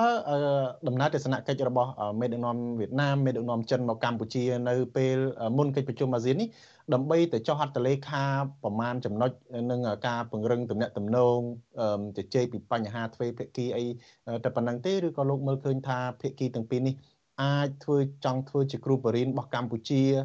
អាចចង់បានអីពីកម្ពុជានៅក្នុងកិច្ចប្រជុំអាស៊ាននេះចង់ពួកគេចង់បានចំណេញអីពីពីកម្ពុជាដែរទេបាទ ជាជាទូទៅនៅនៅក្នុងកិច្ចប្រជុំឬក៏គេហៅថាការចុះហត្ថលេខាទៅលើអនុសារណៈយោគយល់គ្នាកិច្ចព្រមព្រៀងរវាងកម្ពុជាវៀតណាមកម្ពុជាចិននេះជាគេហៅថាកិច្ចសហប្រតិបត្តិការទ្វេភាគីដោយឡែកបណ្ដាមេដឹកនាំរដ្ឋទាំងពីរនេះគេហៅថាមួយជានាយករដ្ឋមន្ត្រីវៀតណាមមួយទៀតជានាយករដ្ឋមន្ត្រីចិននេះគាត់ថាចិនជានាយករដ្ឋមន្ត្រីដែលនៅក្នុងអាណត្តិដែលនឹងផុតអាណត្តិទៅគឺនៅនាយករដ្ឋមន្ត្រីថ្មី បាទក៏ប៉ុន្តែអ្វីដែលយើងចាប់អារម្មណ៍គឺនាយករដ្ឋមន្ត្រីទាំងពីរនឹងចូលរួមនៅក្នុងកិច្ចប្រជុំកំពូលអាស៊ានជាមួយនឹងអាស៊ានដៃគូរបស់អាស៊ាននៅមាន East ASEAN អាស៊ីបូព៌ាហ្នឹងអឺនឹងបូកប្រជុំអាស៊ានបូក6ប្រទេសណាដែលក្នុងនោះមានចិនអឺក្រៅពីសមាជិកអាស៊ានមានវៀតណាមហ្នឹងមានចិនមានឥណ្ឌូនេស៊ីមានសំទោសមានរុស្ស៊ីមានឥណ្ឌាមានអាមេរិកអឺអូស្ត្រាលីណាអូស្ត្រាលីញូហ្សេឡង់ជាដើមនេះអញ្ចឹងវា វាជាកិច្ចសហប្រតិបត្តិការមួយដែលចិនត្រូវចូលរួមនៅខាងមុខចឹងកិច្ចការនេះវាវាចាំបាច់ទាំងទ្វេភាគីទាំងកិច្ចសហប្រតិបត្តិការនៅក្នុងអាស៊ានជាមួយចិនដែរអញ្ចឹងគេកិច្ចការមួយដែលចិនមិនអាចខកខានបានទេនឹងចូលរួមជាមួយនឹងអាស៊ានចិនដែរបាទដូច្នេះកិច្ចការនេះគឺជាកិច្ចការមួយចាំបាច់ដែលមានដឹកនាំត្រូវចូលរួមហើយវៀតណាមចាំបាច់ជាសមាជិកអាស៊ានដែលត្រូវចូលរួមនៅក្នុងក្របខ័ណ្ឌព្រោះអាស៊ានត្រូវការសម្លេង10 ដល់អាស៊ានអាស៊ាន10សម្លេងតែមួយត្រូវការឯកភាពគ្នាជាលក្ខណៈកុងសង្ស៊ីសចឹងនៅក្នុងការឯកភាពការទទួលយកនៅគេហៅថាសំណើឬក៏បញ្ចូលសមាជិកនៃគេហៅថាដៃគូមិត្តភាពសហប្រតិបត្តិការដូចជាអ៊ុយក្រែនហើយនិងអេស្ប៉ាញនេះក៏ត្រូវការចាំបាច់នៅការឯកភាពពីព្រោះមានការផ្ដាល់ភ្លើងខៀវទៅតាមទទួលបានព័ត៌មានការផ្ដាល់ភ្លើងខៀវពីមានមកទោះបីជាមានមកមិនបានភូមិមានមិនបាន គេហៅថាចូលរួមប្រជុំយើងអាស៊ានទុកភូមិមាននៅក្រៅឆាកក៏តែភូមិមានដូចជាបានបើកភ្លើងខៀវទទួលយកតាមការឯកភាពរបស់អាស៊ានដែរបាទបាទតើចិននិងវៀតណាមអាចប្រើវិធីដាក់សម្ពាធអីលើកម្ពុជាដើម្បីឲ្យជជែកឬក៏ដើម្បីទាញយកប្រយោជន៍អំពីចំនួននៅសមុទ្រចិនខាងត្បូងដែរទេបាទក្នុងកិច្ចប្រជុំអាស៊ានខាងមុខនេះអឺ បើតាមទស្សនៈខ្ញុំកិច្ចប្រជុំអាស៊ាននៅលើកនេះឆ្នាំ2022នឹងមិនជួបឧបសគ្គដូចជា ការប្រជុំអាស៊ានដោយការឆ្នាំ2012ដែលយើងមានការជាប់គាំងនៅការមិនចេញមិនអាចចេញសេចក្តីថ្លែងការណ៍បានភ្លាមភ្លាមរហូតដល់បណ្ដាប្រទេសទាំងអស់នេះត្រឡប់ទៅវិញទើបផ្ញើការឯកភាពមកតាមក្រោយទៅក្នុងការចេញសេចក្តីថ្លែងការណ៍ក៏ប៉ុន្តែអ្វីដែលយើងគិតថាมันអាចមានឧបសគ្គនោះគឺ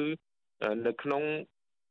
នៅក្នុងជំនួបអាស៊ានលើកនេះគេសង្ឃឹមថាកម្ពុជាអាចសម្រេចបាននៅក្រមប្រតិបត្តិរួមមួយដែលអសកាត់ថា Code of Conduct អសកាត់គេហៅថា COC នេះនៅក្នុងឆ្នាំ2022ដែលនៅក្នុងនាមកម្ពុជាជាប្រធានអាស៊ានប្រូវីនអឺដែលកម្ពុជាធ្លាប់បានអនុម័តនៅសេចក្តីប្រកាសរួមមួយកាលពីឆ្នាំ2002ម្ដងការជើជាប្រធានអាស៊ានលើកទី1ហើយសេចក្តីប្រកាសរួមនោះ នឹងជំរុញយើងជំរុញឲ្យមានការទៅជាក្រមប្រតិបត្តិរួម COC នេះក្រមប្រតិបត្តិរួមនេះដែលមានការជជែកគ្នាតាំងពី2016រហូតដល់2018ហើយរៀបចំរួចរាល់អស់ហើយនៅក្នុងកិច្ចព្រមព្រៀងជជែកគ្នាក្របខ័ណ្ឌរដ្ឋាភិបាលរដ្ឋក្របខ័ណ្ឌអ្នកគិតគូគូវាសអ្នកគូក្បាលនឹងតែបានប្រជុំគ្នាយូរហើយហើយនឹងថាសម្រាប់តាំងពីឆ្នាំមុននោះប៉ុន្តែ គេថាហាក់ដូចជាបកគលសិទ្ធិអំណាចឬក៏ឱកាសនឹងទុកឲ្យកម្ពុជាជាអ្នកអនុម័តនៅក្រមបប្រតិបត្តិរួមនៅឆ្នាំ2022នេះប៉ុន្តែបើតាមការសង្កេតរបស់ខ្ញុំខ្ញុំថាប្រហែលជាមិនអាចចេញរួចទេនៅក្រមបប្រតិបត្តិរួមនេះដោយសារតែទី1ពាក់ព័ន្ធទៅនឹងកាលពីដូចជាដើមឆ្នាំឆ្នាំខែកុម្ភៈកន្លងមកនេះសហរដ្ឋអាមេរិកបានទាត់ចោលនៅដែនអធិបតេយ្យភាពដែលចិនកាន់កាប់នៅក្នុងជួរសមុទ្រចិនខាងត្បូងពាក់ ជំនួសកោះប្រជុំកោះ Spratly និង Paracel ជាមួយនឹងសមាជិកអាស៊ាន4មានកោះវៀតណាមហ្វីលីពីនម៉ាឡេស៊ីនិងប្រ៊ុយណេហើយរហូតដល់មានឥឡូវមានជំនួសជាមួយនឹងឥណ្ឌូនេស៊ីមួយទៀតឡើង5ប្រទេសពាក់ព័ន្ធដូច្នេះកិច្ចការនេះប្រហែលជាមិនអាចសម្រេចទេដោយសារតែសហរដ្ឋអាមេរិកបានទាត់ចោលនៅការកាន់កាប់ឬការគ្រប់គ្រងរបស់ចិននៅលើក្នុងសមុទ្រចិនខាងត្បូងដោយសារតែ ប្រទេសពីរនៅក្នុងសំខាន់គឺមានហ្វីលីពីននិងវៀតណាមជាសម្ព័ន្ធមិត្តជិតស្និទ្ធជាមួយនឹងសហរដ្ឋអាមេរិកប្រហែលជានឹងចង់បានប្រជាពលចង់បានយកឱកាសក្នុងការចរចាឲ្យមានលក្ខណៈមានព្រៀបជាងនេះបាទហើយនៅក្នុងមួយទៀតគឺពាក់ព័ន្ធទៅនឹងកិច្ចព្រមព្រៀងរវាងអាស៊ានជាមួយនឹងសហរដ្ឋអាមេរិកកាលនៅអឺខែឧសភានៅទីក្រុង Washington នៅពេលប្រជុំកម្ពុជាពិសេសអាស៊ានអាមេរិកនៅទៅដីសហរដ្ឋអាមេរិកថ្ងៃ12 13 ឧសភាកន្លងមកនេះមានការព្រមព្រៀងឯកសារ20ចំណុច23ចំណុចតូចៗហ្នឹងហើយមានចំណុចពាក់ព័ន្ធទៅនឹងការទទួលស្គាល់ឬការឈរលើគោលការណ៍ច្បាប់អន្តរជាតិច្បាប់ជាពិសេសគឺច្បាប់សមុទ្រឆ្នាំ1982ត្រង់ចំណុចនេះគឺបានន័យថាកាលណាទទួលស្គាល់នេះវាហាក់ដូចជាសហរដ្ឋអាមេរិកទាត់ចោលការកាន់កាប់របស់ចិននៅក្នុងជួរសមុទ្រចិនខាងត្បូងហើយទៅអនុវត្តតាមច្បាប់សមុទ្រឆ្នាំ1982ដែរ អញ្ចឹងចរន្តនេះខ្ញុំគិតថាប្រហែលជាមិនអាចលើកយកមកជជែកគ្នានៅក្នុងក្របខ័ណ្ឌប្រជុំអាស៊ានកម្ពុជាអាស៊ានលើកនេះទេបាទនៅក្នុងបញ្ហាក្រមប្រតិបត្តិរួមនេះបាទបាទបាទអឺកិច្ចប្រជុំអាស៊ានខាងមុខនេះវត្តមានរបស់ប្រធានាធិបតីសហរដ្ឋអាមេរិកក៏នឹងចូលរួមដែរអឺតើស្ថិតនៅក្នុងបរិបទដែលមានការប្រជែងឬក៏ប្រឈមមុខគ្នារបស់ មហាអំណាចចិននិងសហរដ្ឋអាមេរិកនេះកម្ពុជាគួរតែប្រកាន់ជំហរបែបណាឬក៏គួរតែសម្របសម្រួលបែបណាដែរបាទអឺខ្ញុំខ្ញុំគិតថាបញ្ហានេះវាមិនជាបញ្ហាក្តៅឬក៏រសើបខ្លាំងសម្រាប់កម្ពុជាជាប្រធានអាស៊ានប្រដូវវេនលើកនេះទេដោយសារតែនៅក្នុងមូលបត្ររបស់អាស៊ានបានថាជាការរួមគ្នាធ្វើរួមគ្នាដោះស្រាយហ្នឹងគឺ បានជ្រើសរើសយកមជ្ឈភាពរបស់អាស៊ានបានថាភាពជាកណ្ដាលរបស់អាស៊ានហើយជាចំណុចមួយដែលសហរដ្ឋអាមេរិកពេញចិត្តណាស់ចង់ឲ្យអាស៊ាននឹងឈរកណ្ដាលហើយក៏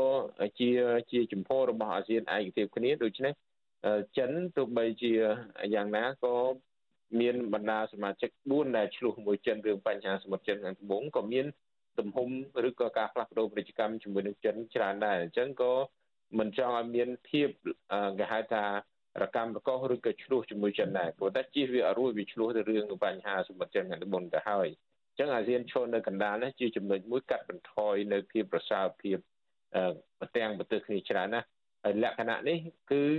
ចំនួនដែនសមុទ្រចិនខាងត្បូងនឹងអាចនៅក្នុងក្របខ័ណ្ឌចិនជាមួយនឹងបណ្ដារដ្ឋសមាជិកអាស៊ានទ្វេភាគីទៅដូច្នេះបញ្ហានេះអាស៊ានឬក៏កម្ពុជានឹងឈរលក្ខណៈកណ្ដាលនឹងខ្ញុំគិតថាវាអាចកាត់បន្ថយភាពប្រសើរឬក៏ បខំឲ្យបណ្ដារដ្ឋសមាជិកអាស៊ាននឹងអាចជ្រើសរើសការថ្លឹងថ្លែងរវាងចិនឬក៏អាស៊ានអាចឈរនៅកណ្ដាលរើសទាំងពីរហ្មងណាមិនចោលទាំងពីររើសទាំងពីរតែម្ដងបាទបាទបាទសំណួរចុងក្រោយរបស់ខ្ញុំឯងរៀងចាក់ពីអាស៊ានបន្តិចបាទប៉ុន្តែដោយសារតែថ្ងៃនេះគឺជាទិវាឯករាជ្យជាតិរបស់កម្ពុជា លើកទី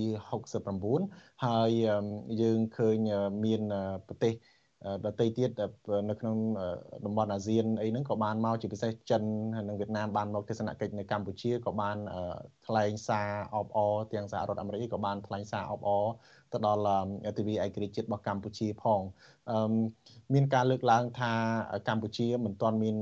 អធិបតេយ្យមិនទាន់មានឯករាជ្យឬក៏ចំហនយោបាយនឹងអព្យាក្រឹតទេដូច្នេះមានការចោទសួរច្រើនអំពីឯករាជ្យឬក៏អធិបតេយ្យភាពរបស់កម្ពុជាតើតើ លោកអនសវណ្ណារាយល់យ៉ាងម៉េចដែរមកដល់ពេលនេះចំពោះឯករាជ្យភាពរបស់កម្ពុជាបាទអឺត្រង់ត្រង់ចំណុចនេះនៅលើគោលការណ៍ច្បាប់កម្ពុជាយើងមានលក្ខណៈពេញលេញហើយទៅតាមខ្លឹមសារនៃកិច្ចព្រមព្រៀងទីក្រុងប៉ារីសឆ្នាំ1991នេះបានផ្ដល់នៅឯករាជ្យភាពអធិបតេយ្យភាពដល់កម្ពុជាពេញលេញហើយត្រង់ថាស្មារតីនៃឯករាជ្យភាពឬអធិបតេយ្យភាពវានៅក្នុងកម្រិតណាមួយដែល មិនទាន់បានគេហៅថាឯករាជ្យឧទាហរណ៍ថាកម្ពុជាមិនទាន់ឯករាជ្យខ្លាំងខ្លាទេពាក់ព័ន្ធទៅនឹងការប្រើប្រាស់ទំនិញឬក៏សម្ភារៈផ្គត់ផ្គង់សម្ភារៈប្រើប្រាស់ទំនិញប្រើប្រាស់ជាច្រើននេះយើងពឹងទៅលើប្រទេសជាច្រើនបាទទី1ទី2ពាក់ព័ន្ធទៅលើគោលនយោបាយការបរទេសយើងហ្នឹងគឺយើងត្រូវពឹងទៅលើអធិបុលនយោបាយប្រទេសជិតខាងជាពិសេសវៀតណាមនិងចិនហ្នឹង ហាក់ដូចជាមានឥទ្ធិពលច្រើនមកលើកម្ពុជាអញ្ចឹងកម្ពុជាត្រូវសម្រាប់នឹងធ្វើទៅរយើងឯករាជ្យជាផ្លូវការជារដ្ឋឯករាជ្យក៏ប៉ុន្តែយើងក៏ត្រូវមើលគេហៅថាទឹកចិត្តឬក៏ជំហររបស់ប្រទេសប្រទេសគេនឹងដែរដើម្បីជៀសវាងទៅនឹងហានិភ័យឬក៏ផលប៉ះពាល់ផ្សេងផ្សេងពាក់ព័ន្ធនឹងកម្ពុជាយ៉ាងដែរបាទ បាទសូមអរគុណលោកអានសវណ្ណរាដែលបានចំណាយពេលវេលាចូលរួមផ្ដល់បទសម្ភាសន៍ខ្លីនៅក្នុងរាត្រីនេះបាទសូមអរគុណសូមជម្រាបលាបាទជូនពរសុខសប្បាយបាទបាទសូមអរគុណជម្រាបលាបាទបាទលោកនាងជាទីមេត្រីក្រមយុវជនដែលធ្លាប់ជួបបទពិសោធន៍បង្អត់អាហារខ្លួនឯងនៅក្នុងពន្ធនាគារបារម្ភពីសុខភាពកញ្ញាសេងធីរីដែលកំពុងធ្វើកោតកម្មបង្អត់អាហារក្នុងពន្ធនាគារនៅពេលនេះ ពួកគេទទូចដល់អាជ្ញាធរពាក់ព័ន្ធទាំងអស់ពិចារណាការតវ៉ារបស់កញ្ញាសេងធីរីនិងត្រូវដោះលែងកញ្ញាឲ្យមានសេរីភាពវិញព្រោះការបង្អត់អាហាររបស់កញ្ញានេះជាសញ្ញាដែលកញ្ញាចង់ប្រាប់ពិភពលោកថាកញ្ញាត្រូវជាប់ពន្ធនាគារទាំងគ្មានកំហុស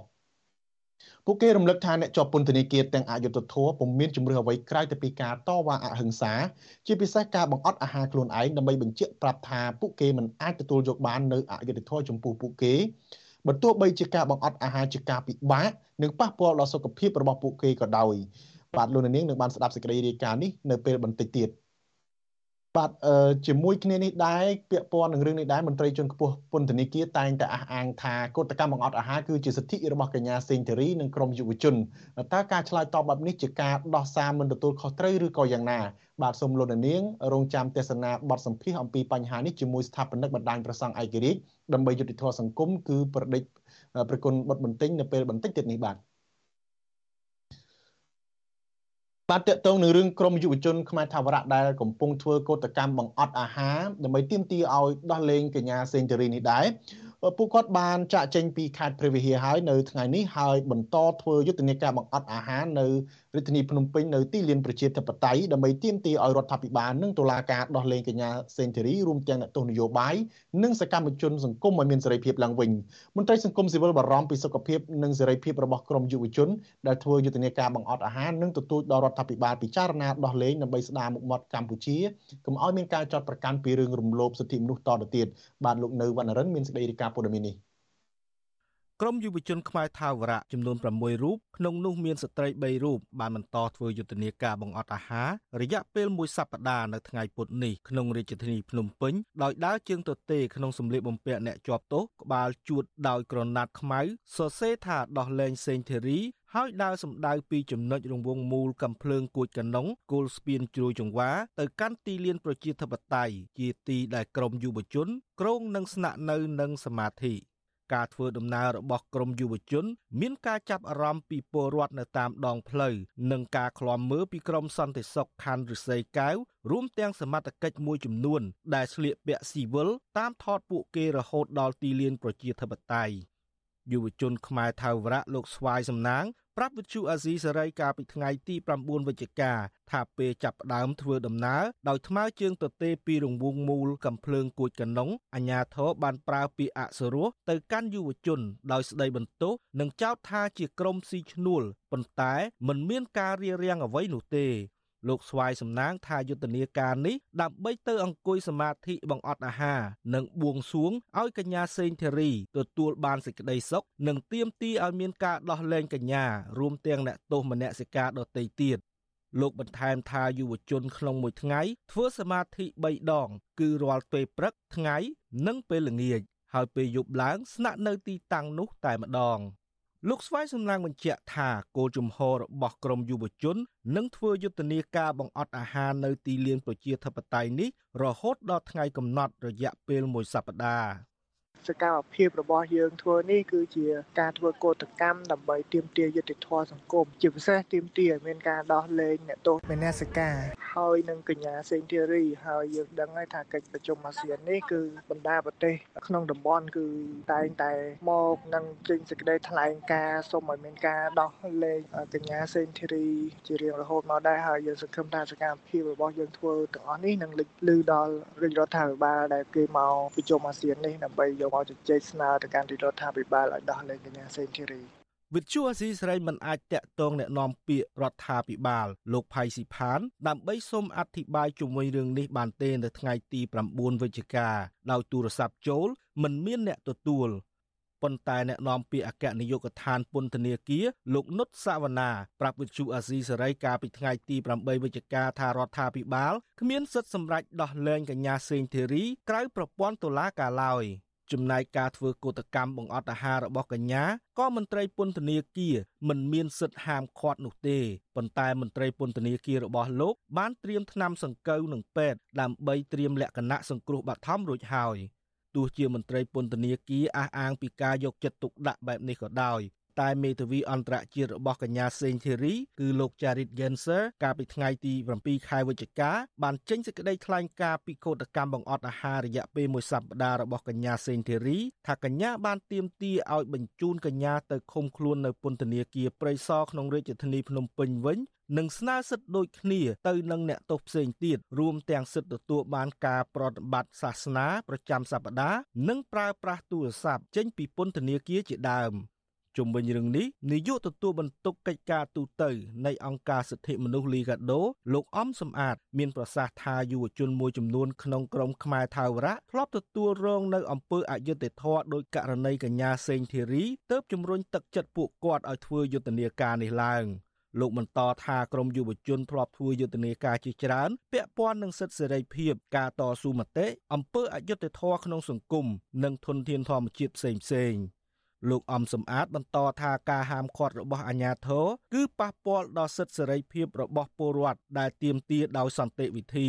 លោកអំសំអាតបារម្ភពីសុខភាពរបស់យុវជន ពាក់ព័ន្ធនឹងការទ្រទ្រង់រាងកាយទោះជាការលះបង់នេះបានចេញពីឆន្ទៈក៏ដោយ យុទ្ធនាការដើម្បីទាមទារមានការដោះលែងកញ្ញាសេងទ្រីនេះវាមិនមែនជាបទល្មើសវាមិនមែនជាការប្រព្រឹត្តអ្វីដែលខុសច្បាប់ទេនេះវាជាសិទ្ធិសេរីភាពរបស់ពួកគាត់ណាអញ្ចឹងនៅពេលដែលហាមឃាត់នៅពេលដែលមានការរំខាននឹងការយាយីទៅលើពួកគាត់ហ្នឹងគេចាត់ទុកថាជាការរំលោភបំពានទៅលើសេរីភាពជាមូលដ្ឋាននិងការរដ្ឋបិទទៅលើសេរីភាពជាមូលដ្ឋានរបស់ពលរដ្ឋ ការធ្វើយុទ្ធនាការរបស់ក្រមយុវជននៅក្នុងរាជធានីភ្នំពេញនៅថ្ងៃទី9វិច្ឆិកានេះស្របពេលដែលកម្ពុជាកំពុងធ្វើជាម្ចាស់ផ្ទះកិច្ចប្រជុំអាស៊ាន ដែលមានប្រមុខរដ្ឋកម្ពុជាកម្ពុជាមកពីប្រទេសមួយចំនួន បានធ្វើដំណើរមកកម្ពុជាបណ្ដាបណ្ដាហើយ។ សមត្ថកិច្ចរាជធានីភ្នំពេញបានចាប់ខ្លួនកញ្ញាសេងធីរីបញ្ជូនទៅពន្ធនាគារបន្ទាប់ពីសវនាការកាត់ទោសកម្មជនបកប្រឆាំងនិងអ្នកប្រឆាំងផ្សេងទៀតកាលពីថ្ងៃទី14ខែមិថុនាក្រោយតុលាការប្រកាសសាលក្រមកាត់ទោសឲ្យកញ្ញាជាប់ពន្ធនាគារចំនួន6ឆ្នាំពីបទរួមគំនិតក្បត់ក្នុងសំណុំរឿងវិលចូលស្រុករបស់លោកសំរងស៊ីកាលពីឆ្នាំ2019កញ្ញាត្រូវបានបញ្ជូនទៅដាក់ពន្ធនាគារដាច់ស្រយាលនៅខេត្តព្រះវិហារ ពលរដ្ឋនិងសង្គមស៊ីវិលទទូចឲ្យរដ្ឋាភិបាលពង្រឹងសិទ្ធិមនុស្សឡើងវិញនិងដោះលែងកញ្ញាសេងធីរីរួមទាំងអ្នកទោសមនសិការជាច្រើនទៀតដើម្បីបន្ថយសម្ពាធតានតឹងនឹងការបរទេសនិងស្ដារមុខមាត់កម្ពុជាលើឆាកនយោបាយអន្តរជាតិខ្ញុំបាទនៅវណ្ណរិន with Chu Azizi Saray ពីរដ្ឋធានី Washington បាទលោកនាងជាទីមេត្រីតកតងនឹងយុវជនទាំង6នាក់ដែលកំពុងធ្វើកោតកម្មបង្អត់អាហារទាមទារឲ្យរដ្ឋាភិបាលប្រគល់សេរីភាពជូនកញ្ញាសេងធារីនេះដែរយើងមកយើងមកមើលថាតើយុវជនទាំង6នាក់នេះជានរណាតើមូលហេតុអ្វីជំរុញឲ្យពួកគេសកម្មក្នុងការងារសង្គមនិងហ៊ានលះបង់សេចក្តីសុខផ្ទាល់ខ្លួនដើម្បីបដូរនឹងសេរីភាពរបស់កញ្ញាសេងធារីនិងយុត្តិធម៌សង្គមបែបនេះបាទយុវជនពីររូបក្នុងចំណោមអ្នកទាំង6នាក់នេះ គឺជាអ្នកធ្លាប់ជាប់ពន្ធនាគារដោយសារតែឈឺឆ្អាលបញ្ហាសង្គមនោះគឺលោកហ៊ុនវណ្ណៈនិងអ្នកនាងឈឿនដារាវីលោកហ៊ុនវណ្ណៈជាសកម្មជនសង្គមនិងបរិស្ថានមានវ័យជាង30ប្លាយធ្លាប់ជាប់ពន្ធនាគារ2លើកលោកវណ្ណៈឈានជើងចូលប្រឡូកជាអ្នកកិច្ចវណ្ណៈឈានជើងចូលប្រឡូកជាអ្នកការពារបរិស្ថានជាមួយអង្គការមេដាធម្មជាតិដែលធ្វើការផ្ដោតលើការទប់ស្កាត់ការបំផ្លាញធនធានធម្មជាតិនៅខេត្តកោះកុងឆ្នាំ2017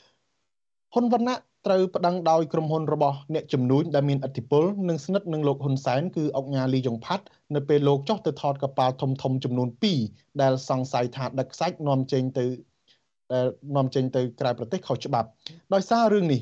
វណ្ណៈបានជាប់ពន្ធនាគារពីបទញុះញង់ឲ្យប្រព្រឹត្តបទឧក្រិដ្ឋជាអាតនិងបទប៉ះពាល់ដល់សិទ្ធិខាងរូបភាពនៃបុគ្គលក្រោយចេញពីពន្ធនាគារ វណ្ណៈនៅតែបន្តសកម្មភាពជួយការងារសង្គមយុតិធធសង្គមនិងបរិស្ថានដដែលរហូតជាប់ទោសជាលើកទី2នៅក្នុងឆ្នាំ2020នៅពេលលោកចូលរួមតវ៉ាទាមទារឲ្យដោះលែងប្រធានសហជីពនិងសកម្មជនព្រំដែនលោករងឈុនតុលាការកាត់ទោសឲ្យលោកជាប់ទោស20ខែពីបទញុះញង់ឲ្យមានភាពវឹកវរធ្ងន់ធ្ងរដល់សន្តិសុខសង្គមហើយលោកមានសេរីភាពវិញក្រោយជាប់ទោសបាន5ខែបាន15ខែលោកហ៊ុនវណ្ណៈនៅតែប្រកាន់យក ទស្សនៈថាពលរដ្ឋត្រូវតែសកម្មនឹងការងារសង្គមជាតិដោយមិនគួរភ័យខ្លាចឡើយហើយការសម្ដែងមតិដោយសន្តិវិធីគឺជាសិទ្ធិសេរីភាពនិងជារឿងមួយដែលពលរដ្ឋគ្រប់រូបគ្រប់គ្នាអាចធ្វើបានលោកហ៊ុនវណ្ណៈតែងតែយកភាពក្លាហាននិងមុះមុតរបស់លោកបណ្ឌិតកែមលីជាគំរូយុវជនរូបនេះថែមទាំងដាក់គោលដៅធ្វើសកម្មភាពនានាជំរុញឲ្យមានការកែប្រែស្ថានភាពនៅក្នុងពន្ធនាគារដោយសំអាងហេតុផលថាក្នុងនាមជាសកម្មជនសង្គម លោកប្រឈមនឹងជាប់ពន្ធនាគារដោយប្រការណាមួយជាមិនរួចយុវជនខ្មែរថាវរៈមួយរូបទៀតគឺអ្នកនាងឈឿនដារាវី ជាសកម្មជនសង្គមនិងបរិស្ថានដែរដារាវីធ្លាប់ជាប់ពន្ធនាគារដំណើរគ្នានឹងលោកហ៊ុនវណ្ណៈកាលពីឆ្នាំ2020ក្នុងរឿងតវ៉ាទាមទារឲ្យដោះលែងរករងឈុនដូចគ្នាដែរដារាវីធ្លាប់ធ្វើការងារក្នុងផ្នែកសុខាភិបាលក៏ប៉ុន្តែបានញាក់ធ្វើការងារសង្គមជាប់លាប់នៅប្រមាណឆ្នាំចុងក្រោយនេះ កត្តាដែលជំរុញឲ្យដារាវីបន្តការងារសង្គមបើទោះបីជាធ្លាប់ជាប់ពន្ធនាគារក៏ដោយនោះគឺនាងតែងទន្ទិញជាប់ក្នុងចិត្តថាជាតិត្រូវការអ្នកក្នុងកលៈទេសៈដែលខ្មែរកំពុងនៅមាត់ជ្រោះហើយក្នុងពេលវេលាបែបនេះបើគ្រប់គ្នាមិនប្រងើបនោះនឹងពិបាកធ្វើឲ្យខ្មែរងើបរួចដារាវីថានៅពេលជាប់ពន្ធនាគារនាងបានឃើញបញ្ហាក្នុងសង្គមពីគ្រប់ជ្រុងទាំងអស់ដែលមិនគូធ្វើមិនដឹងមិនលឺបានឡើយពលគឺត្រូវចេះឈឺឆ្អាលជួយជាតិជាសំខាន់។ លើសពីនេះដារាវីដែលមានម្ដាយមានស្រុកកំណើតជាខ្មែរកម្ពុជាក្រោមបារម្ភខ្លាចទឹកដីខ្មែរនឹងមានវាសនាដូចទឹកដីខ្មែរក្រោមមូលហេតុទាំងនេះហើយបានជំរុញឲ្យដារាវីលះបង់ឱកាសចេញទៅរស់នៅក្រៅប្រទេសហើយបន្តចូលរួមការងារសង្គមតទៅទៀតបាទចំណែកយុវជន3នាក់ទៀតរួមមានលោកស្វាយសំណាងគឺជាយុវជនមកពីខេត្តកំពង់ចាមលោកបានចូលរួមជាមួយក្រុមយុវជនខ្មែរថាវរៈក្នុងយុទ្ធនាការទាមទារឲ្យអាជ្ញាធរដោះលែងលោករងឈុន កាលពីឆ្នាំ2020យុវជនរូបនេះបានចូលរួមសកម្មភាពជាច្រើនក្នុងនោះក៏មានការទាមទារឲ្យដោះលែងក្រុមសហជីពនៅនាការវលជាដើម។យុវតីទី4គឺកញ្ញាឆែមឆែមស្រីគៀហៅខ្លឹមសារដែលមានស្រុកកំណើតនៅខេត្តបៃលិនកញ្ញាបានចាប់ផ្ដើមការងារសង្គមតែម្នាក់ឯងនៅឯខេត្តបៃលិនកាលពីជាង2ឆ្នាំមុនដោយបង្កើតបណ្ណាល័យចល័តនៅតាមសួនសាធារណៈក្នុងខេត្តដែលនាងរស់នៅស្រីគៀបានចូលរួមក្រុមថាវរៈ ក្រុមយុវជនខ្មែរថាវរៈជាលើកដំបូងនៅពេលក្រុមនេះធ្វើយុទ្ធនាការបង្ហោះពេតប៉ោងទាមទារឲ្យដោះលែងសហជីព Nagawal នៅក្នុងខេត្តបាត់ដំបង។ស្រីគៀបាននាំបណ្ណាល័យចល័តមកភ្នំពេញហើយចាប់ផ្ដើមដាក់សិភៅសាធារណៈឲ្យសាធារណជនបានអាននៅតាមសួនក្នុងរាជធានីភ្នំពេញបានជាង3ខែមកហើយក៏ប៉ុន្តែការងារនេះក៏ត្រូវបានអាជ្ញាធររារាំងកាលពីចុងខែតុលាកន្លងទៅបើទោះបីជាយ៉ាងណាស្រីគៀប្រកាន់ជំហរថានឹងបន្តការងារ បណ្ណាល័យចល័តរបស់នាងតទៅទៀតព្រោះនាងជឿជាក់ថាការផ្ដល់សិភៅអាននៅតាមសួនសាធារណៈប្រសើរជាងការយកទីសួននោះជាកន្លែងផឹកស៊ីឬផ្សព្វផ្សាយគ្រឿងស្រវឹង។និងទី6យុវជន2នាក់ទៀតគឺសុគន្ធតុលានិងច័ន្ទតុងពួកគេបានចូលរួមជាមួយខ្មែរថាវរៈនៅប្រមាណខែថ្មីថ្មីនេះដោយចូលរួមជាលើកដំបូងនៅក្នុងពេលក្រុមយុវជនចុះទៅបំពុះព្រៃឈើនៅតំបន់អរ៉ែងក្នុងខេត្តកោះកុង បាទលោកនាងទៅបានដឹងប្រវត្តិទ្រុសទ្រុសរបស់យុវជនទាំង6រូបដែលកំពុងធ្វើយុទ្ធនាការបង្អត់អាហាររបស់ខ្លួនដែលធ្វើទុក្ករកិរិយារបស់ខ្លួនដើម្បីទាមទារឲ្យមានសេរីភាពដល់កញ្ញាសេងធីរីដែលជាអ្នកជំនាញកិច្ចការច្បាប់និងអន្តរជាតិបាទហើយនឹងជាសកម្មជនសិទ្ធិមនុស្សផងបាទបាទលោកនាងជាទីមេត្រីសូមជម្រាបជូនលោកនាងថាកម្មវិធីផ្សាយរបស់យើងនៅ រយៈពេលម៉ោង8នៅម៉ោង8កន្លះនិង30នាទីបន្តិចទៀតនេះលោកនាងមិនលឺការផ្សាយរបស់យើងតាមបណ្ដាញសង្គម Facebook និង YouTube ទេក៏ប៉ុន្តែលោកសំទោសនៅតាម software លោកនាងនៅមិនលឺការផ្សាយរបស់យើងទេក៏ប៉ុន្តែលោកនាងដែលកំពុងតាមដានការផ្សាយរបស់យើងតាមបណ្ដាញសង្គម Facebook និង YouTube សូមបន្តនៅជាមួយយើងបន្តទៀតបាទ បាទលោកនាងជាទីមេត្រីមិនទាន់ទៅណាឆ្ងាយពីរឿងក្រមយុវជនខ្មែរថាវរៈទេក្រមយុវជនដែលធ្លាប់ជួបបទពិសោធន៍បង្អត់អាហារខ្លួនឯងនៅក្នុងពន្ធនាគារបារម្ភពីបញ្ហាសុខភាពកញ្ញាសេងធីរីដែលកំពុងធ្វើកុតកម្មបង្អត់អាហារក្នុងពន្ធនាគារនៅពេលនេះពួកគេទទូចឲ្យអាជ្ញាធរពាក់ព័ន្ធទាំងអស់ពិចារណាការតវ៉ារបស់កញ្ញាសេងធីរីនិងក្រុមយុវជននឹងត្រូវដោះលែងកញ្ញាឲ្យមានសេរីភាពវិញព្រោះការបង្អត់អាហាររបស់កញ្ញានេះជាសញ្ញាដែលកញ្ញាចង់ប្រាប់ពិភពលោកថា កញ្ញាត្រូវបានជាប់ពន្ធនាគារទាំងអយុត្តិធម៌ពួកគេរំលឹកថាអ្នកជាប់ពន្ធនាគារទាំងអយុត្តិធម៌ពុំមានជំរឿសអ្វីក្រៅតែពីការតវ៉ាអហិង្សាជាពិសេសគឺការបង្អត់អាហារខ្លួនឯងដើម្បីបញ្ជាក់ប្រាប់ថាពួកគេមិនអាចទទួលយកបាននូវភាពអយុត្តិធម៌ចំពោះពួកគេបើទោះបីជាការបង្អត់អាហារជាការពិបាកនិងប៉ះពាល់សុខភាពពួកគេក៏ដោយបាទអ្នកស្រីសុជីវីរាយការណ៍ព័ត៌មាននេះយុវជនដែលឆ្លងកាត់កោតកម្មបង្អត់អាហារខ្លួនឯងក្នុងពន្ធនាគារបារម្ភថា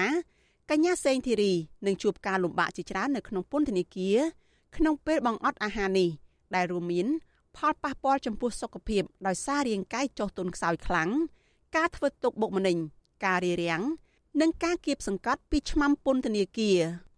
យុវជនចលនាមេដាធម្មជាតិលោកថនរដ្ឋាឲ្យដឹងថាប្រសិនបើកញ្ញាសេងធីរីជ្រើសរើសយកការបង្អត់អាហារខ្លួនឯងពេញមួយថ្ងៃគឺមិនទទួលទានអាហារទាំងស្រុង និងធ្វើរយៈពេលវែងពេញមួយសប្តាហ៍នោះនោះរាងកាយរបស់កញ្ញានឹងចុះទុនខ្សោយខ្លាំងអាចឲ្យមានជំងឺភ្លាមភ្លាមមួយចំនួនពាក់ព័ន្ធនឹងប្រព័ន្ធរំលាយអាហារមានដូចជាឈឺបំពង់ក ធ្វើទុកក្រពះពោះវៀនវិលមុខឬអាចដួលសន្លប់ ពិបាកទ្រាំមែនតើហើយអាចប្រហែលជាយ៉ាងច្រើនដែលដោយសារអ្នកមីងសេនធរីជាមនុស្សស្រីហ្នឹងអាចថាកម្លាំងរបស់គាត់ហ្នឹងយ៉ាងច្រើនហ្នឹង2ទៅ3ថ្ងៃហ្នឹងអាចនឹងមានការដួលសន្លប់ឬក៏មានបញ្ហាដល់សុខភាពអាហ្នឹងគឺជារឿងមួយដែលអាញាធរត្រូវតែទទួលខុសត្រូវនេះគឺមិនមែនជារឿងលេងសើចទេហើយខ្ញុំថាអាញាធរគួរតែចាប់ផ្ដើមមានវិធានការក្នុងការដោះលែងគាត់កាលពីឆ្នាំ2020តុលាការក្រុងភ្នំពេញបានកាត់ទោសលោកថនរដ្ឋា ដាក់ពន្ធនាគាររយៈពេល20ខែដោយចោទប្រកាន់ថាបានលួចបើកស្ទីឌីយោផ្សាយព័ត៌មានដោយពុំមានច្បាប់អនុញ្ញាត នៅពេលលោកកំពុងផលិតវីដេអូមួយដើម្បីទាមទាររដ្ឋាភិបាលបញ្ឈប់លុបបឹងតាម៉ោង